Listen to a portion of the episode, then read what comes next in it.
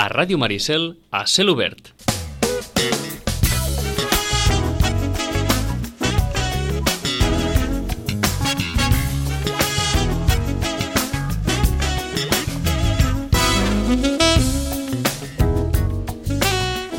I abans de començar eh, conversa amb Rosana Lluc de Llorenç Llibres, que ja saben que ens recomana eh, un munt de novetats o de propostes literàries eh, per a l'estiu per sempre, de fet perquè ho fa al llarg de, de tot el curs, vol Volem fer menció, comentari a les notícies que sortien ahir publicades als diaris d'aquest creixement del sector del llibre, un creixement com mai, eh, deia al periòdico, gràcies a la pandèmia els, els editors certifiquen que l'augment de la lectura durant els mesos de confinament no va ser un miratge i que la venda d'obres s'ha consolidat. De fet, eh, un informe sobre el comerç interior del llibre a Espanya, que ha presentat la Federació de Gremis d'Editors, indica que l'any passat passat hi va haver el creixement més gran del sector editorial d'aquest segle, per tant un creixement molt eh, destacat, un 5,6% amb una facturació de 2.576 milions eh, d'euros.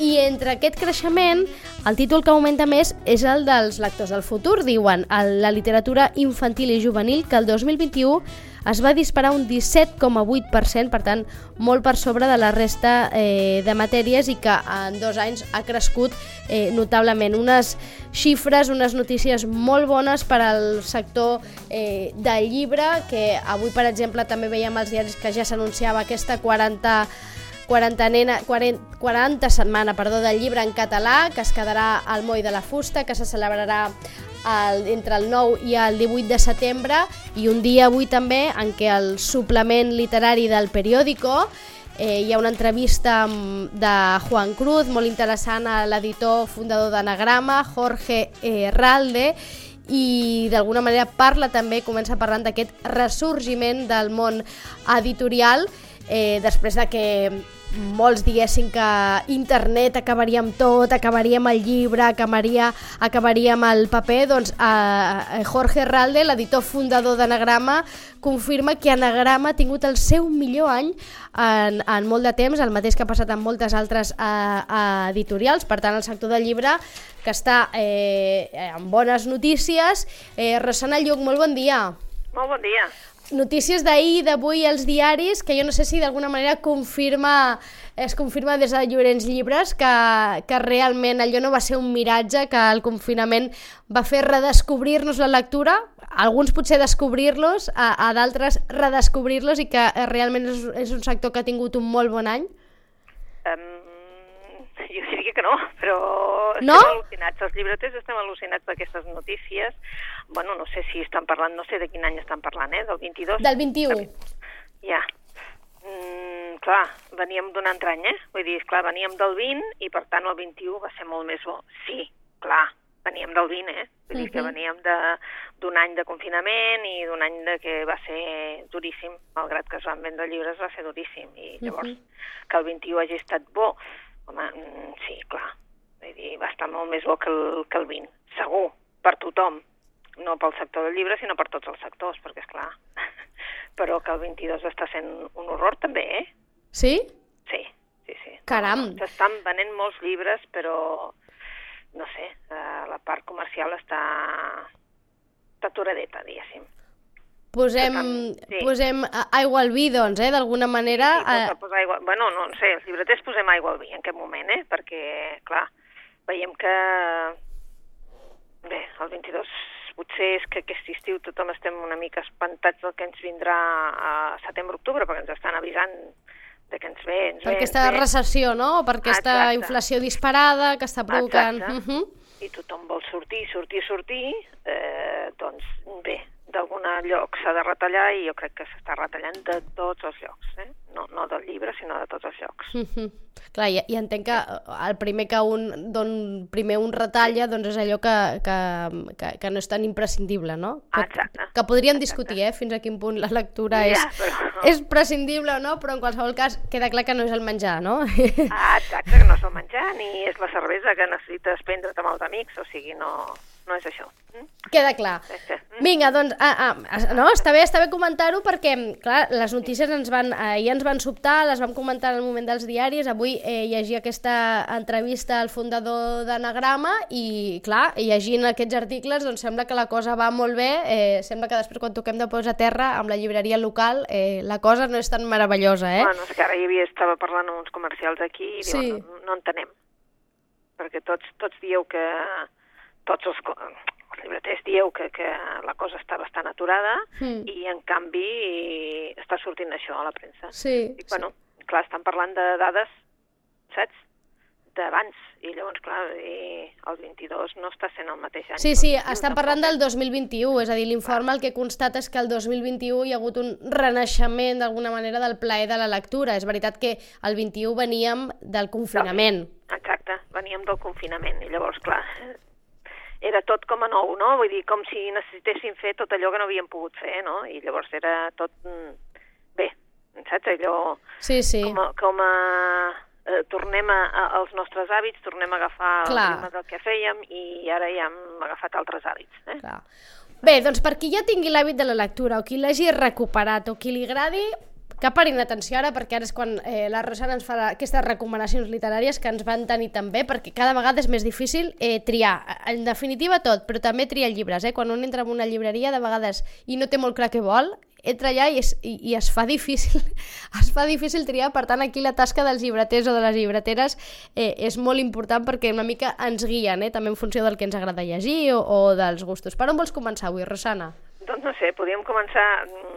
Fa dos dies es va presentar aquí a Vilanova, a, va venir l'autor, l'Agustí Colomines, va vindre a presentar-nos el llibre Tot el que el cor s'estima.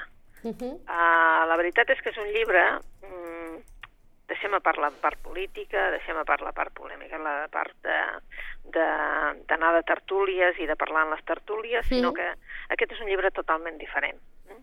Aquest és un llibre escrit eh, durant l'estada d'ell a la Universitat de Stanford. Ell un bon dia decideix que se'n vol anar a la Universitat de Stanford a buscar uns arxius d'un tal Maurín i que, com que estan allà, ell mm, personalment se'n va eh, ajudat per un professor d'allà que es diu Antonio Resina i se'n va cap allà. Llavors allà el que decideix és, és fer com a, com que les coses al començament no li surten com ell havia planejat, etc, decideix fer com una espècie de dietari però sense dates.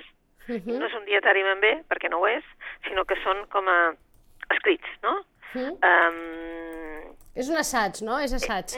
no, és, Tampoc? és, no, no, no, no és un assaig, no. Ell explica coses, vale? Mhm. Ell explica coses. Explica, per exemple, um, no sé, coses de quan era jove, um, coses que ha llegit, uh, coses que estan passant en aquell moment, uh, diferències entre una universitat i una altra, entre la que ell, diguéssim, uh, prové i la d'allà.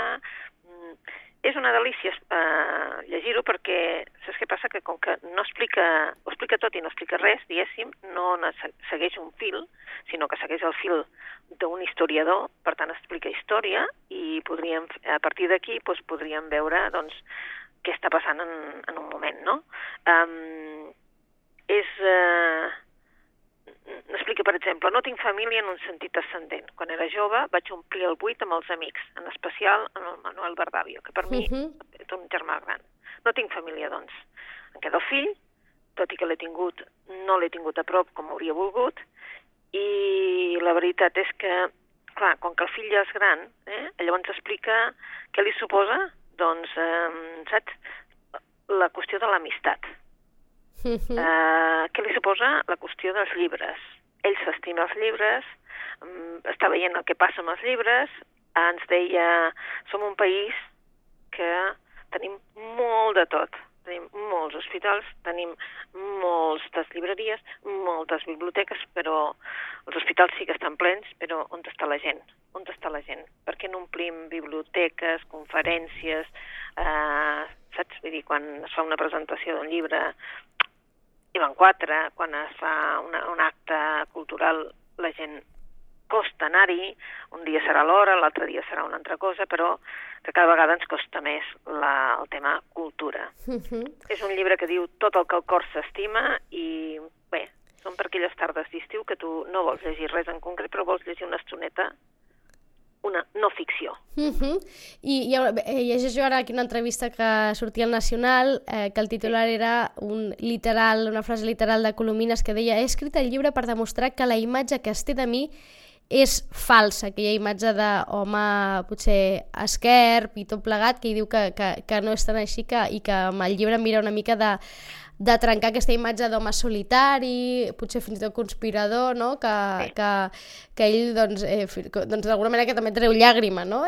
Sí, sí, sí, sí, sí, sí. A més a més ens explica coses com a íntimes, no? La uh -huh. relació amb la mare, uh -huh. eh, la mare que va morir massa aviat, eh, com és present la mare en, el seu, en la seva vida. S'obre, no? D'alguna manera és, és com sí, que Agustí Colomina s'obre, no? Que s'obre molt, no? I és molt tendre, en altres vegades doncs, és tu quan fa una decisió, de, saps allò, dissecciona sí. com, bueno, com està el tema de les universitats o com està el tema sí. absolutament de la cultura, però la veritat és que molt bé. Mm? Doncs vinga, apuntem Agustí Colomines, tot el que el, el cor, cor eh, estima, eh, a, a, aquesta proposta eh, de lectura doncs, eh, d'alguna manera on, on Agustí Colomines, aquest professor d'universitat que bueno, algú podria eh, ja d'alguna manera haver etiquetat per totes les seves aparicions, doncs potser trenca una mica amb aquesta imatge que ja tenim d'ell i s'obre eh, per dins, no? que sempre és, sempre és d'agrair, no? que un escriptor s'obri per dins, sempre és d'agrair, no això? Sí, la veritat és que sí, perquè a més a més, bueno, ell és historiador, mm. no, no és... Eh, ha fet un munt de llibres, eh? Un munt de llibres tots relacionats amb la història i aquest potser és el més íntim en el sentit de que ens explica coses, no? Però no totes eh, són sobre ell, sinó sobre la ciutat, sobre la gent que l'acull, etc etc. Molt bé. Rosana, per on seguim? Bueno, seguim perquè, doncs, eh, L'altre editorial ens acaba de publicar una novel·la que seria un clàssic del 20 també, la Carson McCullers. La Carson McCullers eh, potser tothom la coneix per, per la novel·la el, caça, el cor és un caçador solitari que es va publicar l'any 40 i que uh -huh. continua tenint vigència. Eh? Aquest es diu Rellotges sense agulles.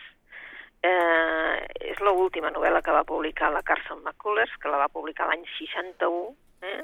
uns quants anys abans de morir, i clar, també hem tornat als Estats Units, eh? als Estats Units i, i a la vida de, de quatre personatges. Eh, torna en aquesta obra a fer el mateix que fan totes, eh? amb el tema de la solitud, de les contradiccions de les nostres emocions, mm, com en són de complexes, eh, les obsessions, la responsabilitat dels nostres actes vers els altres, eh, les conseqüències d'aquests actes, la identitat, i bé, mm,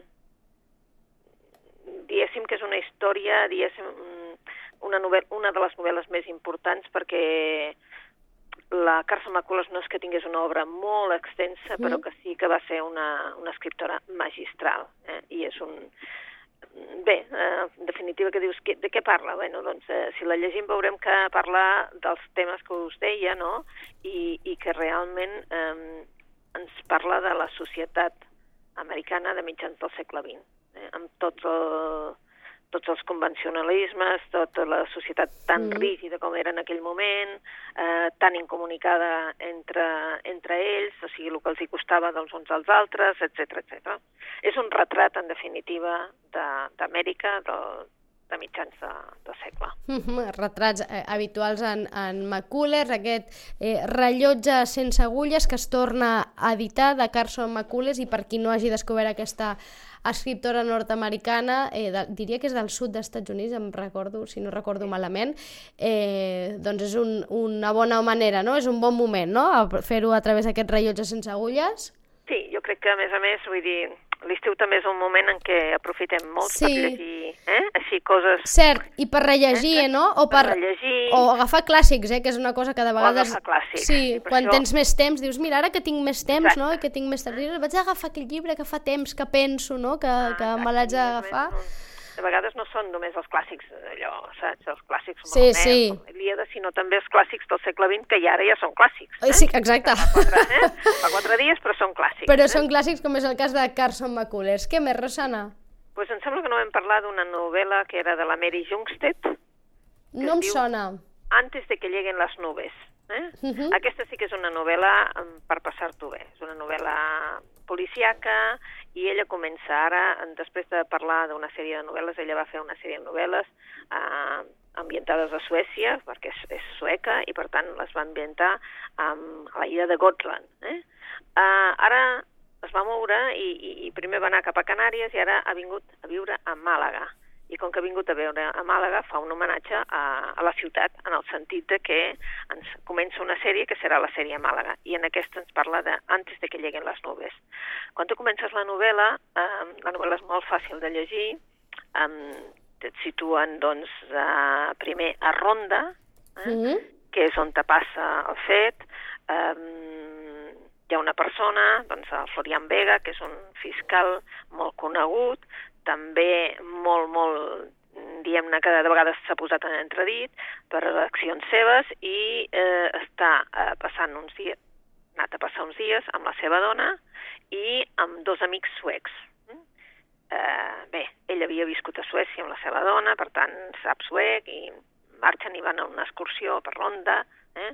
Mhm. tornen a l'hotel i van a l'excursió, però s'està posant malament el temps i ell s'entesta en continuar pel bosc eh, a fer unes fotografies, els altres decideixen marxar cap a l'hotel i diuen no, tu, això no veurem res, va, tirem cap enrere, ell no vol. Total, que no apareix el Florian Vega a la nit i el dia següent el troben eh, que s'ha despanyat eh, 120 metros avall. A partir d'aquí trobem una sèrie de personatges, des de la Lisa, que és una dona que se separa del seu marit, bueno, el seu marit se separa d'ella perquè n'ha trobat una altra de més jove, que també és eh, sueca, que ve a parar a Màlaga perquè s'ha comprat en un poblet de Màlaga perquè ha decidit fer un canvi de vida, deixar-ho tot allà i venir aquí, que té una amiga, i compra una casa a un poblet de Màlaga. Tenim un inspector de policia, que és l'Hèctor, que va perdre la dona fa 4 o 5 anys pel tema del càncer i els fills ja són grans i també serà el que portarà la investigació i tenim aquests personatges eh, i tenim una història enmig de la Rafaela i l'Antonio que són que ens situa l'any 72. Tu vas veient aquests punts entremig, però és una novel·la entretinguda, una novel·la que passa a Màlaga, és a dir, que el recorregut tu el pots fer perfectament perquè et situa on està la comissaria, on està tot, que, bé, és d'aquelles novel·les d'estiu, de dir, va ser em- De passar una bona estona, eh? Per passar una bona estona, De dir, eh? ara no tinc ganes de pensar ni de reflexionar, exacte, vull, ho vull passar bé, m'ho vull passar bé, no? I que m'ho faci passar bé. Doncs Mari Jangstedt, aquest eh, Antes de que lleguen les nubes, aquesta escriptora de novel·la negra nòrdica, eh, que es va fer molt popular per la sèrie Gotland, oi? Exacte, sí, sí, sí, nadie lo ha oído, na, Sí. ningú, ningú ha sentit, ningú ha vist, ningú... Estaven traduïts al català, Sí. Aquesta de moment només en castellà, ja veurem si decideixen a traduir-ho al català, ja saps que a vegades traguem una mica més. Tardem una mica vaja. més. Eh? Vale. Perfecte, bé, però si no, doncs també que està bé també llegir en, a, a, en altres idiomes. De moment aquest toca en castellà, Antes de que lleguen les nubes, de Mari Jangstedt. Què més? Bé, doncs aquest el podeu llegir en català o en castellà. Vinga. Mia Couto. Mia Couto és un autor de Mozambic. Eh? Uh, és un autor contemporani i, per tant, és un... resulta que és un dels noms més importants de la, la literatura en llengua portuguesa eh? i resulta que també és l'autor de Mozambic més traduït. De fet, en coneixem pocs d'autors africans, d'autors de, de, diguéssim, de, de Mozambic en particular, vull dir, de cap d'Àfrica, vull dir, són Mhm. més aviat eh, coneguts els sud-africans més que els africans, però en, Mhm. en aquest cas és un dels autors més importants d'Àfrica, diuen. I ens parla d'una d'un personatge, eh, el mapeador de- d'ausències, és el títol del llibre, publicat per Periscopi en català i Alfaguara en castellà, i ens parla d'un personatge, un intel·lectual de Mozambic que torna a la seva ciutat, a Beira, per rebre un homenatge. Eh? Ha estat fora molts anys, el Diego Santiago, ha estat fora molts anys i quan torna coneix a la Liana Campos, que és una dona diguem-ne, misteriosa, magnètica, i en la que comparteix encara un, un passat que ben bé no sap què és. Mm? Vull dir, evidentment, es coneixien en el passat. En el procés, Diogo doncs, rememora el viatge que va fer amb el seu pare a Inmaiga, el territori ocupat per les tropes colonials portugueses. I allà ell vol buscar un familiar desaparegut i el que veuen és la misèria, la guerra, els records, el, mm, de fet, el, el fet de tornar a casa fa que li vinguin tots els records, de, evidentment, del seu pare, de la seva mare, mm, és una mica doncs, eh, recordar la seva infantesa. Infància. Exacte. Eh, I la veritat és que el que vol, voldria és realment pensar ben bé què va passar o la seva història familiar, perquè ell va marxar i, per tant, que història familiar, i la Liana, sense, sense voler, es creu en el mig i l'ajuda a, a trobar la veritat de la, de la història. Uh -huh. Per tant, la proposta aquesta de eh, Mia Couto, aquest darrer llibre de Mia Couto, aquest eh, contador d'històries no? eh, de Mozambic, que, eh, que, que en els seus llibres diu aquí, eh, llegirem una entrevista, que trasllada la mitologia i les tradicions africanes a les seves novel·les, no? I diu, el que sust... I diu, sosté que el que en Europa es considera màgic, a Àfrica és lo normal.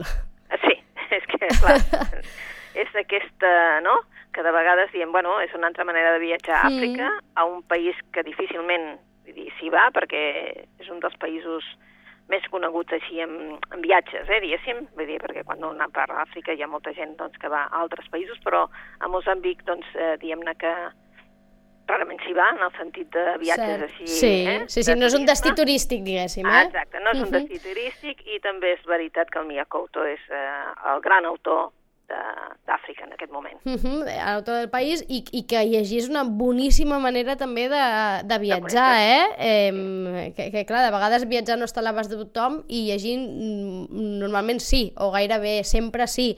Per tant, és una fantàstica manera de conèixer Mozambic i Àfrica, en aquest cas eh, la cultura africana, no? i tot aquest sentiment de, de família, de clan, no? que, que, que Àfrica és tan important i que aquí que, que tenim un, un, una manera de ser més individual, no? Eh, de, de vegades ens sobta, no, això? Sí, sí, sí. doncs vinga, Mia Couto, què més?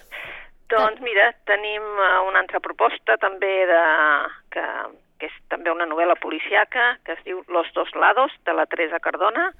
És una proposta de Ciruela, és una proposta d'una autora que, que no és coneguda, la veritat, i la, mm, perquè havia publicat alguna cosa, però amb d'això, amb pseudònim. Sí. Um, és una dona que viu entre Espanya, Alemanya, ha viscut a França, vull dir, és una autora que ha anat d'aquí cap allà, però resulta que només en un mes hi han fet tres edicions d'aquest llibre. Caram, no? quin èxit, no? Sí, sí, sí. És um, un èxit que ha anat uh, com una mica boca-orella, no? Uh mhm, -huh. També. Sí, I suposo que perquè sí, també sí. han sortit uh, crítiques bones, eh? I és una novel·la policiaca que diuen que està empapada de, de filosofia. Eh? Mm. També, uh, això diu el Martín Casariego. Eh? Mm, és, uh, estem a San Lorenzo de l'Escorial, és un, estiu d'aquells que fa molta calor. Com ara, com aquest, podria ser? Ah, exacte. Eh? Clar, ells estan acostumats, la gent de, de, de Sant Lorenzo de l'Escorial estan acostumats al fred. Sí. I, clar, aquesta calor, mm, bueno, no saben ni per on passar, eh? Se'n se van molt cap a... Eh? Una calor que, que... Bé, hi ha una calor que... Bé, hi ha un home maniatat en un quarto de calderes d'una casa i estan a, a, a dintre el bosc i, de, evidentment, apareix mort per deshidratació amb la, amb la, uh -huh. amb la mirada fixa en una botella d'aigua que penja de, del, del sostre a l'altura dels seus ulls. Per tant, ha sigut un lloc, una cosa molt dura, o sigui, eh, l'han matat d'una manera molt dura. Eh? Uh -huh. I la, la tinent Karen Blecker, eh, que ha arribat ara a Espanya per passar després de, de passar la, la seva vida treballant per l'Europol, mmm, comença a esclarir a veure la identitat d'aquesta víctima, perquè ningú sembla que el conegui, eh, no és de la zona d'Ons, però cada vegada que van avançant, van avançant, avançant, um, sembla ser que això s'assembla molt amb un crim que ja fa uns 20 anys ja va passar. Uh -huh. I clar, llavors eh, mm, què va passar, eh, ja enmig del terrorisme, eh, què ha passat eh, entremig, eh, de quin tipus de, de crim estem parlant, quin paral·lelisme té entre l'un i l'altre... És a dir, va, va això- viatjant d'un- d'un moment a l'altre, eh? d'un crim a l'altre, diguéssim. Exacte, Eh? i per això Los dos lados és una novel·la mm, de 400 pàgines, 400 i poc, que realment, doncs, eh, no pots deixar-la en cap moment. Eh? Perfecte, doncs Los dos lados de Teresa Cardona, aquestes, amb aquests eh, dos eh, successos no? A- en dates diferents que es van alternant d'alguna manera i no sé si entenc que al final deuen conver convergir, no? És a dir, es deuen tocar en algun punt, no? Eh, Ah, exacte. Uh -huh, i deuen, i deuen venir aquí... Dos lados i, sí, eh? Mhm. I, Doncs Sí. aquesta escriptora Teresa Cardona, que fins ara eh, no coneixem gaire aquí perquè havia publicat a França amb pseudònim, però que ara amb aquesta darrera novel·la, Los dos lados, doncs sembla que ha rebut molt bona crítica i ja va per la tercera edició, dius, oi? sí, per la tercera edició i la veritat és que fa un mes que va sortir, o sigui... És un... Per tant, apunta que, que hi haurà bastantes més edicions, eh? Sí, perquè sí, quan... sí, vull dir que va sortir potser a finals de maig, començaments de juny, i, i la veritat és que estem tots al·lucinats perquè hi ha, hi ha una tercera edició. Perfecte. No són les mateixes edicions, però sí que és veritat que és... Eh? Doncs No són 400 les pàgines que donen molt de sí i ara que tenim tardes i les podem gaudir, doncs eh, eh, les podem gaudir al costat, en aquest cas, de Teresa Cardona. Rosana, moltíssimes gràcies, ho hem de deixar aquí. Doncs eh, molt bona lectura a tots vosaltres. Igualment, bona lectura, adeu-siau.